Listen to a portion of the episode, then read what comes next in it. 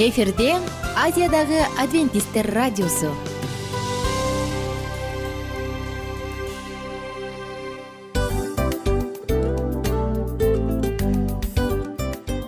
Достор салют. Баардык сүйүктүү угармандарыбызга салам айтабыз. Кутман күнүңүздөр менен.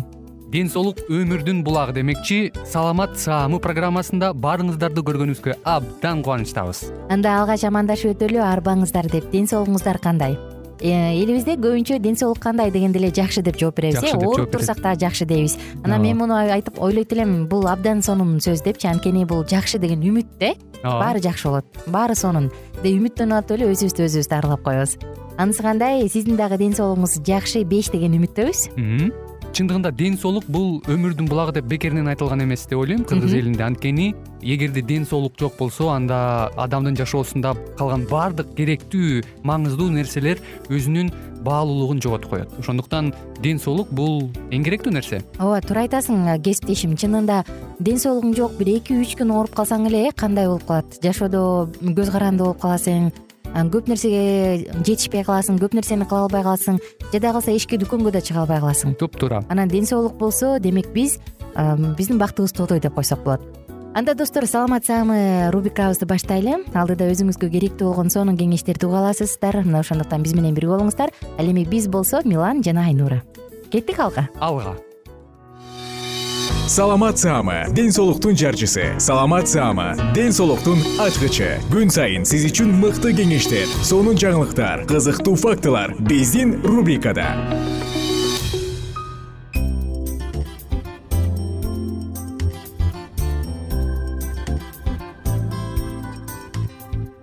Саламатсыздарбы кадырлуу замандаштар достор жалпы сүйүктүү угармандарыбыз сиздер менен амандашып биз саламат саама рубрикасын баштадык. Жана бүгүнкү темабыз ашказандын иштеши бузулса эмне кылыш керек? Мына ушул жөнүндө сөз кылмакчыбыз. Ашказан дегенде албетте бул бизде казан өзү эле айтылып тургандай болгондо дагы ашказан тамак ашыбыздын баардыгы ушул органга барат.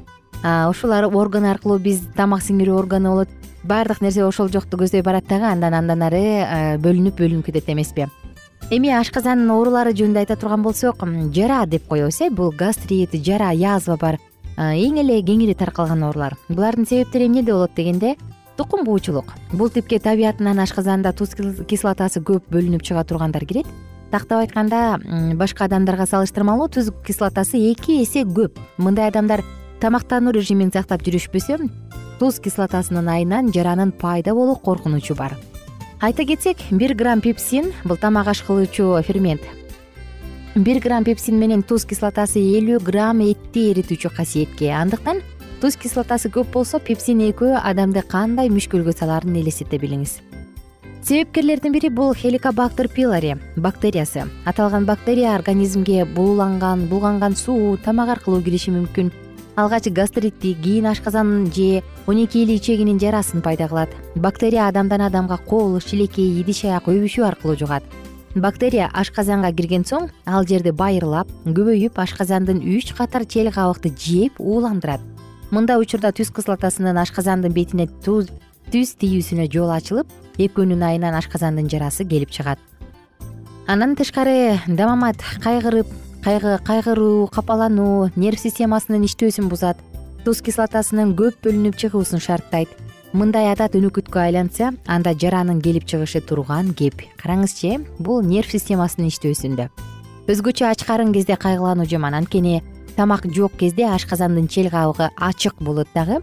Көп бөлүнүп чыккан туз кислотасы чел кабыкты дүүлүктүрүп акырындап жаранын пайда болушун шарттайт калган себепкерлер болуп кургак жана башаламан тамактануу. Ашказан ичеги жолдорунун өнөкөт оорулары дарылардын тескери таасирлери жаман адаттар булар дагы эсептелинет. Эми ашказан жарасынын белгилери жөнүндө айтсак албетте тамак ичкенден кийин оорутушу мүмкүн. Ал эми тамак ичкенден эки үч сааттан кийин ачка кезде же түн ичинде уктап жаткан маалда оорутуу пайда болсо анда бул он эки эли ичегинин жаранын белгилери. Бирок он эки эли ичегинин жарасы ракка айланбайт ашказандыкка айланып кетет ачка болгондогу оорутуу мында жогоруда айтып кеткендей ашказандын чел кабыгын коргоого жарай турган тамак жок болгондуктан баягы туз кислотасы жарага тиет дагы ооруну жаратат. Анан кусуу. Мындай учурда дагы албетте кусуу пайда болушу ыктымал. Ашказан жөнүндө сөз кылып калдык. Эми биз ашказандын саламаттыгы үчүн суусундук менен бөлүшсөк. Ашказандын иштешин жакшыртыш үчүн фенхей капуста ананас ширеси папаядан смузи жасаса болот. Мунун натыйжасында ашказандын сезгенүүсү төмөндөйт жана ич көбүү токтойт жана ошондой эле тамак сиңирүү жеңилденет. Папая менен ананастын курамында атайын бир ферменттер бар. Алар ашказандын иштешин жеңилдетет жана тамак сиңирүүнү тездетет. Ашказандын саламаттыгы үчүн жасалуучу суусундуктун касиетин айта турган болсок тамак сиңирүүнү жакшыртат ашказанда туз кислотасын төмөндөтөт ошондой эле ичтин көбүүсүн дарылайт жана тазалайт. Эми ингредиенттер ал үчүн бизге эмне керек? Эки порция үчүн эки жүз элүү миллилитрден. Фенхелдин клубнясынын жарымы эки жалбырак капуста бир кичинекей папая тазаланган ичинде данеги жогу жана бир стакан ананас ширеси булардын баардыгын тең соковыжималкадан өткөрүп алыңыз. Папая менен блендерди өзүнчө блендерге майдалап туруп ага ананас ширесин кошуңуз. Эми булардын баардыгын тең кошуп бирдей масса болгончокту аралаштырыңыз. Мындай сокту муздак түрдө бериңиз бирок өтө катуу муздак болбосун өтө катуу муздак же тоңгон түрдө болсо ашказанды кайрадан кыжырдатат. Ошондуктан муздагыраак гана түрдө бериңиз колдон келишинче тамак ичерден беш он беш мүнөт мурун ичип койгон. Жакшы. Мындай соктун курамында с витамини к витамини фалат б алты витамини магний б бир б а витамини железо темир кальций булардын баардыгы тең камтылган. Эми достор биз тамак сиңирүүнү жакшыртуучу тундурма жөнүндө айта кетсек. Бул дагы болсо маанилүү. Анткени чындыгында тамак сиңбей жатат кола ичип коеюнчу деп ушундай зыяндуу адаттарды байлап алгандар дагы жок эмес. Улам сасык кейкирип кыйналгандар да жок эмес. Сиздер үчүн күмүш сырга. Тамак сиңирүүнү жакшыртуучу тундурма. Ал үчүн сизге эмне керек? Ингредиенттер. Бир порция үчүн жүз элүү миллилитр үчүн. Бир чай кашык. Кургатылган майдаланган лакрицанын тамыры. Жарым чай кашык анисанын жашыл анисанын уругу жарым чай кашык майдаланган имбирь керек. Эми даярдайбыз булардын баардыгын тең кайнап аткан сууга салып эки үч мүнөт кайнатыңыз. Андан соң тундуруп коюңуз жана ситодан өткөрүп алыңыз. Күнүнө эки үч жолудан тамакка чейин ичиңиз. Лакрица имбирь жана аниса кошулганда бул ашказандын сезгенүүсүн төмөндөтүп тамак сиңирүүнү жакшыртат. Андан тышкары адамдын жүрөк айлануусун дагы азайтат мына достор дал ушул ыкмаларды колдонуу менен бирге өзүңүздүн ден соолугуңузга кам көрүңүз оорубаңыз жана дайыма бактылуу жашаңыз. Адамдын бактылуу жашаш үчүн таң каласың бирок биздин бактылуу жашашыбыз үчүн болбогону эле аз эле нерсе керек. Саламаттыгыбызды туура сактоо оорубай жашоо тагыраак айтканда алты саныбыз аман бойдон. Андан тышкары жакындарыбыздын көңүл буруусу жакындарыбыздын жылуу сөзү жакындарыбыз менен баарлашуу болду. Ушул нерсе биздин бактылуу болушубузга чоң салым кошот. Ошондуктан достор оорубаңыздар бактылуу болуңуздар. Жакын адам менен көбүрөөк көңүл буруп алар менен көбүрөөк баарлашыңыз. Жакындарыңыз менен убакыт өткөрүңүз. Ар бир жогоруда айтылгандай эле капалануу стресс булар дагы ашказанга жара пайда кылат. Мындай кайгыдан алыс болуңуз позитивдүү маанай дайыма сизди колдоп коштоп жүрсүн. Коштошом эфирдин соңунда эмне демекчибиз? Оорубаңыздар. Айтаарыбыз болгону гана ушул оорубаңыздар кайгы кападан. Сизде ашказаныңызда жараны пайда кылчу ар кандай кырдаалдан алыс болуңуз саламаттыгыңызга кам көрүңүз. Кийинки уктуруудан амандашабыз. Кайрадан бар болуңуздар жана күнүңүздөр көңүлдүү улансын.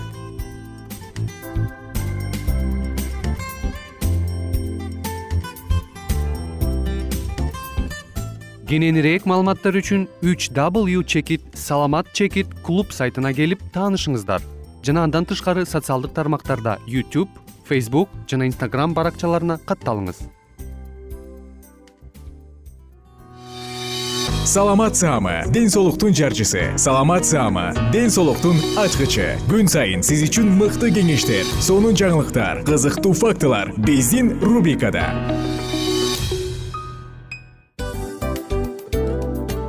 Салам достор. Кайрадан биздин сүйүктүү рубрикабызга кош келиңиздер деп айтмакчыбыз. Баардык замандаштарыбызга арбаңыздар деп саламыбызды айтабыз. Улуу ушундай бир урматтаган учурашуу менен анан дил маек радио баракчабызга чакырабыз. Негизи дил маек биздин рубрикабызда эмне жөнүндө кеп кылабыз бул дил маектин мааниси эмнеде рубрикабыз менен кичине тааныштырып кетсеңиз. Сөзсүз түрдө тааныштыра кетейин кесиптешим суранычы боюнча бул учурда бул радио баракчада биз ар тарап кесип ээлеринен сонун кеңештерди алабыз сүйлөшөбүз сырдашабыз аталарыбыздын эжелерибиздин апаларыбыздын кеңештерин угабыз. Айтор жан дүйнөгө адамдын э, сапатына адамдын деги эле адам болуп жашашына керектүү баардык кеңештер алдыда негизи э, дил маек дегенде баягы эки адамдын ортосундагы сырдашуу кенен сүйлөшүү. Негизи эле биз адамдар бири бирибиз менен бир жерге жай жерге отуруп алып өзүнчө тынч жашоо жөнүндө өмүрүбүздө эмне болуп атканын бөлүшкөнү жакшы көрөбүз э адамдар. Ооба туура айтасың анан мындай учурга кээде убакыт да жетпей келет э? Же болбосо сырыңды кайгыңды муңуңду кубанычыңды айткың келет а адамга ишенбешиң мүмкүн. Ооба. А бул радио баракча угармандарыбыздын чыныгы досу анткени бизден алган кеңеш сиздин жашооңузга чоң жардам берет. Ал эми сиздин бизге айта турган сөзүңүз ортодо гана сыр бойдон калат. Ошондуктан биздин дил маек рубрикабызга дагы бир жолу кош келиңиздер. Жана биз даярдаган маалыматтарга даяр болуңуздар. Айнура жана милан сиздер менен бирге алдыга кеттик ар түрдүү ардактуу кесип ээлеринен. Алтын сөздөр жүрөк ачышкан сыр чачышкан сонун маек. Дил маек рубрикасында.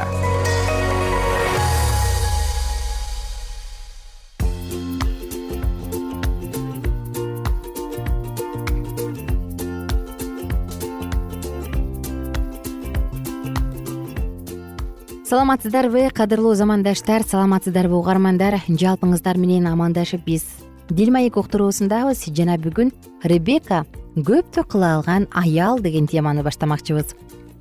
Достор эске сала кетсем бул цикл аял жубай жана эне деп аталат.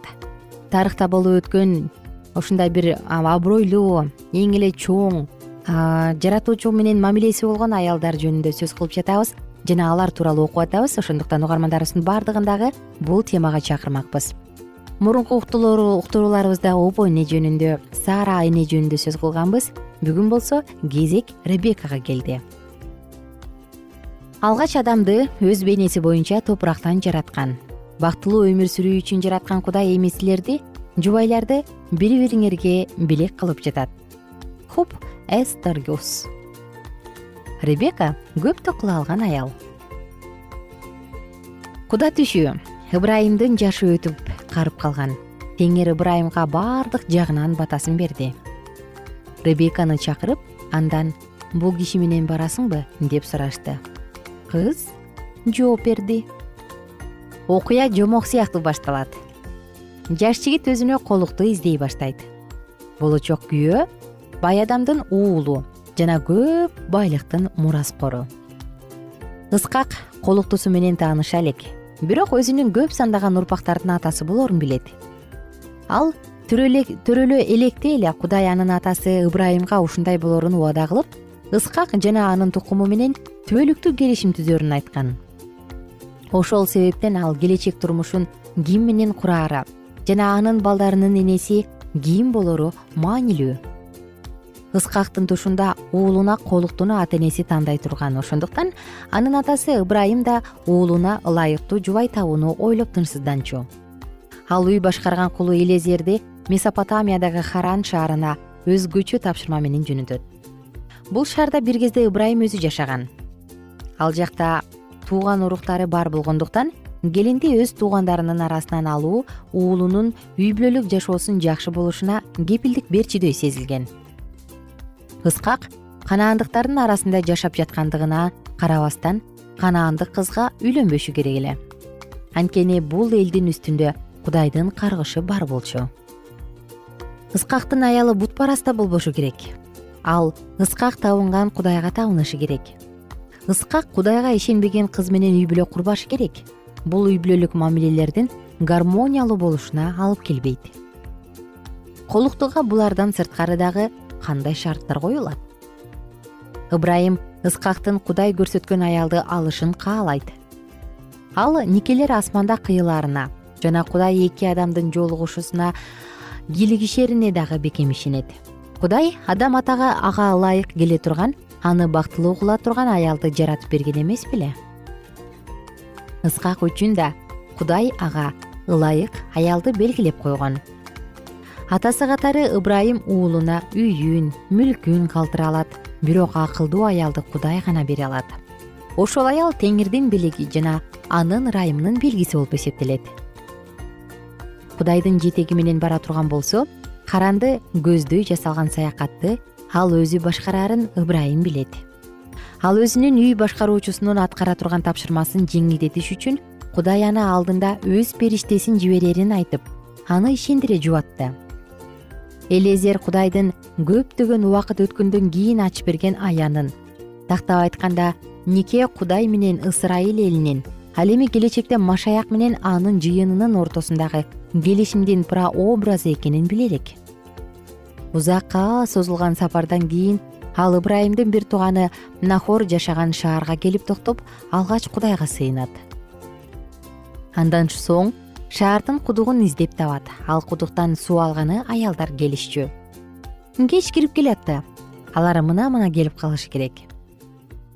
Бирок көп аялдардын ичинен кудай мырзасынын уулуна арнап койгон кызды ал кантип табат. Эми баары кудайдын жетегине көз каранды. Ошондуктан ал кайрадан кудайга сыйынып мындай белги беришин сурады. Мен кайсы кызга кумураңды эңкейтчи суу ичип алайын десем ал ич төөлөрүңдү да сугарып берем десе анда ошол кыз сен өз кылың ыскакка дайындаган кыз экенин жана сен менин мырзама ырайым кылганыңды билем. Чыгыштын аялдары эркектер менен сүйлөшүүдөн тартынышат. Эгерде кыз бул бейтааныш адам менен эркин сүйлөшүп кете турган болсо ал мындан кудайдын эркин билмекчи. Балким сыйынуумдун жообу кыздын мүнөзүн да өзү көрсөтүп коер деп ойлоду ал. Он төөнү сугарыш деген оңой иш эмес терең кудуктан жүз элүүдөн үч жүз литр суу сузуп алуу керек. Бул ишти өз эрки менен кылуудан сырткары ден соолукту күчтү талап кылат. Кудайдын убадасы боюнча көп сандаган тукумдун энеси боло турган ыскактын аялы күчтүү дени сак аялы болушу керек. Ыскактын колусуна жайдарылык жана илбериңкилик мүнөздүү болууга тийиш аларга көчмөн жашоодо жашоого туура келет. Ошондуктан ал аял шамдагай ишбелги зарыл болгон учурда жардамын аябаган болушу керек. Кайраттуу демилгечил аял болсо бул сапаттар анын артыкчылыгы болмок. Карыган ата энесинин жанында ыскак кырк жашка чейин үйлөнбөй бойдок жүргөн. Энесине өтө жакын жүүнү бош адам эле. Ыбрайымдын кулу ичинен акырын сыйынып жатты. Анын өтүнүчүн кудай гана укту сыйынып бүтөрү менен жаш чырайлуу кыз көрүндү. Инине кумурасын көтөргөн ал кыз кудукту көздөй келе жатты. Кыз жакындаган сайын ал сыйынуусуна жооп алганын айкыныраак сезип жатты. Ребекка кыз үчүн бул күн адаттагыдай эле башталган жана башка күндөрдөй эле өтүп жаткан. Көп узабай эле сүйүү тарыхындагы ал тургай төрт миң жылдан кийин жашагандар суктана турган башкы каарман болуп калаары кыздын оюна да келген эмес. Кудукка ал күн сайын келчү кечээ да мурдагы күнү да келген. Достор биз задыбызды кийинки уктуруубузда улантабыз. Ребека эмне деп жооп берди? Кызыкпы? Ал ыскакка көрө элек адамдын артына көрө элек адамга турмушка чыгыш үчүн бардыбы? Кызыкпы анда биздин кийинки уктуруубузду калтырбай угуңуз. Биз болсо кийинки уктурууда бул окуяны андан ары улантабыз. Баардык угармандарыбыз менен убактылуу гана коштошобуз.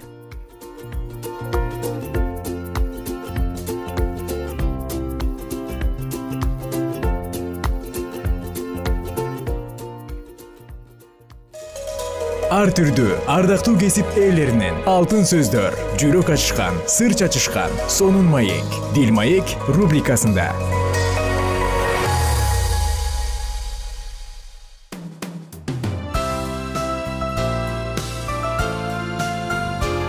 эфирде азиядагы адвентисттер радиосу.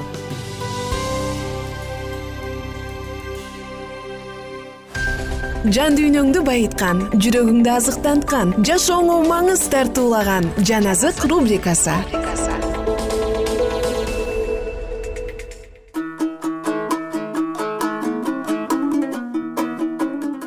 Саламатсыздарбы кадырлуу замандаштар саламатсыздарбы достор. Жалпыңыздар менен кайрадан биз жан азык уктуруусундабыз жана бүгүн сиздер менен бирге элчилердин иштери китебин андан ары улантабыз. Эске сала кетсек мурунку уктурууда биз антиохияда алгачкы жыйын пайда болуп дагыраак анан ошол антиохияда алар биринчи ирет шакирттер машаякчылар деп аталгандыгын айтканбыз. Жана ал учурда агап деген адам ордунан туруп ачарчылык болот жер жүзүндө деген пайгамбарчылык кылып анан бир туугандар колдорунан келген баардык жардамды чогултуп барнаба менен шабыл аркылуу жыйын башчыларына берип жибергенин айтканбыз э? Эми бүгүн андан ары улантабыз. Элчилердин иштери он экинчи бөлүм. Ошол убакта падыша ират ыйсага ишенгендерди куугунтуктай баштады. Алардын кээ бирөөлөрүн карматып жакандын бир тууганы жакыпты кылыч менен өлтүрттү. Бул жүйүттөргө жагарын көрүп петирди да карматты бул ачыткысыз майранан майрамдары күндөрү болду. Ал петирди карматып түрмөгө каматты да төрт аскерден турган төрт топко аны кайтарууну буйруду.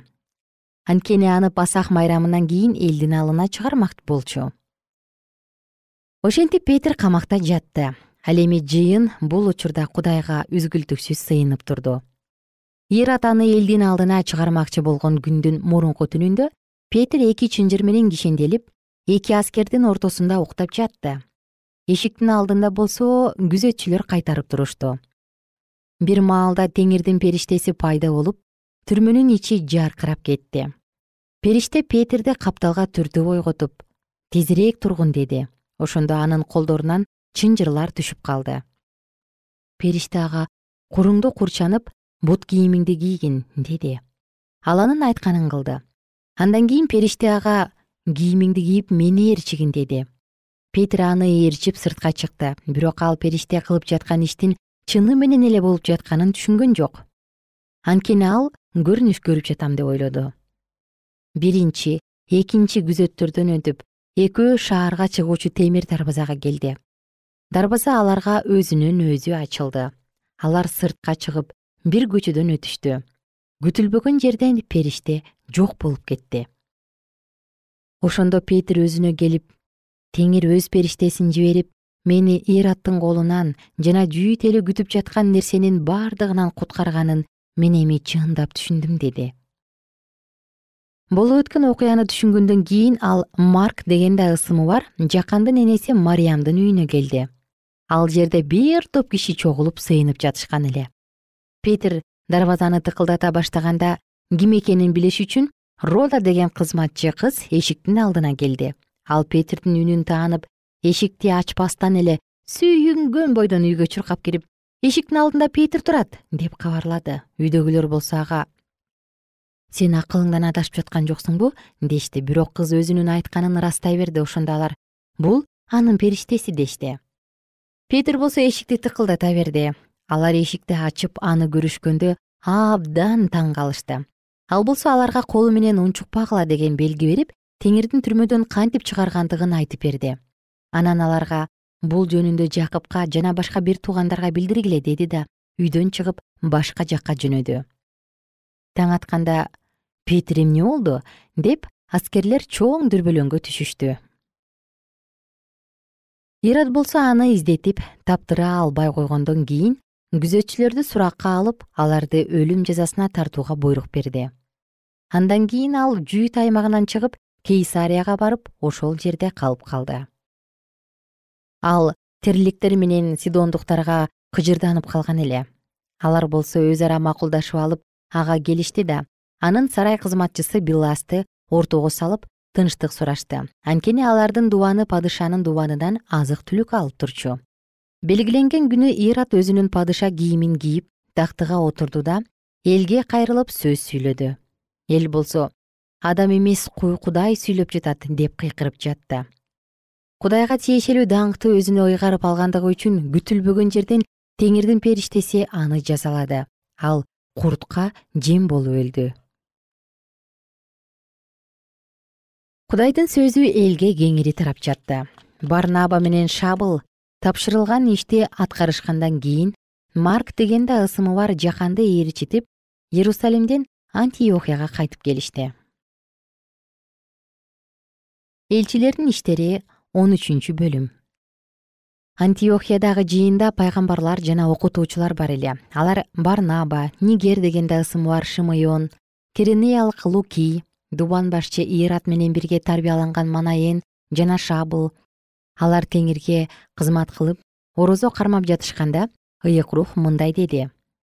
Араңардан мага барнаба менен шабылды бөлүп бергиле. Алар мен белгилеген ишти аткаруулары керек ошондо алар орозо кармап сыйынып алардын үстүнө колдорун коюшту да аларды жөнөтүп жиберишти. Ыйык рух тарабынан жиберилген эки элчи селекияга барып ал жерден кипрге сүзүп кетишти. Анан алар саламиге барып жүйүттөрдүн синагогаларында кудайдын сөзүн айта башташты. Алардын жанында жакан да жардам берип жүрдү. Алар аралды кыдырып чыгып паф шаарына келишкенде жүйүттүк бир сыйкырчыга барыйса деген жалган пайгамбарга жолугушту ал кипр аралынын башчысы сергий пабыл деген акылдуу киши менен жүргөн эле. Ошол арал башчы кудайдын сөзүн угууну каалап барнаба менен шабылды чакыртты. Бирок элима сыйкырчы деп которулат. Арал башчысынын ыйсага ишенип калуусуна жол бербөөгө аракеттенип эки элчиге каршы чыкты. Бирок ыйык рухка толгон шабыл аны тике карап мындай деди.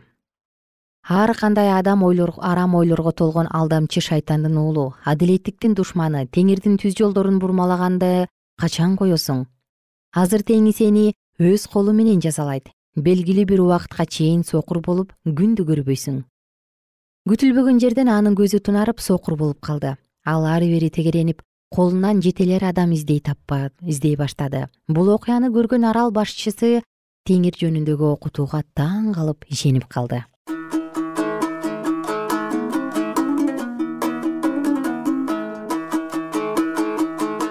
достор ушул жерден токтотобуз дагы окуя андан ары эмне болот? Кийинки уктурууда бирге улантабыз. Күнүңүздөр көңүлдүү улансын жана кайрадан сиздер менен амандашканча бар болуңуздар. Достор кайрадан сиздер менен саламдашканча.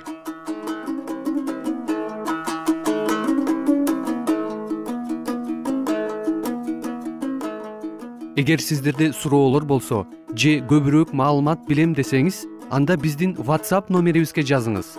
Плюс бир үч жүз бир жети жүз алтымыш алтымыш жетимиш. Кайрадан плюс бир үч жүз бир жети жүз алтымыш алтымыш жетимиш.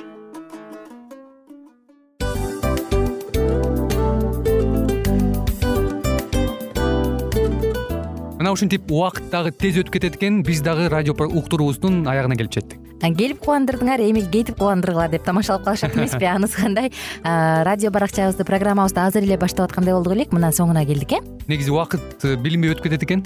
Мен дагы э, убакыт дегенде бүгүн бир адам менен сүйлөшүп калдым. Анан убакыт бул мүмкүнчүлүк деп айтып өзүмө өзүм айтып алып анан мага өзүмө эле кайра ачылыш болду да чын эле э Э, карап отурсаң ошол эле жыйырма төрт саат ошол эле жарым саат кайталанып атат. Бирок сендеги мүмкүнчүлүк жок ошол кой берилип кетти? Анысы кандай? Бүгүнкү сонун убактыңызды алтындай болгон жарым саатыңызды бизге бөлүп арнаганыңыз үчүн ыраазычылык айтабыз. Анан жашооңуздун кайсы бир сферасын өзгөртө турган сонун пайдалуу кеңеш алган болсоңуз анда биз максатыбызга жеттик. Анан ушул нерсени кылбасам десеңиз ошол өзгөрүүлөрдү кичинекей кадамдардан баштап иш жүзүнө ашырыңыз дагы жашооңузда чоң чоң ийгиликтерге жетиңиздер чын жүрөктөн ар бир берилген кеңештер сөздөр сиздерге пайдасын алып келет деп ишенебиз жана кийинки уктурууларда сөзсүз түрдө чыдамсыздык менен сиздерди күтөбүз. Сагынычтуу салам айтып кайрадан дал ушул жыштыктан баардыгыңыздарды тосуп алганча кызматта мен айнура жана кесиптешим милан анда кол пул жалпыңыздарга ийгиликтүү күн. Саламатта калыңыздар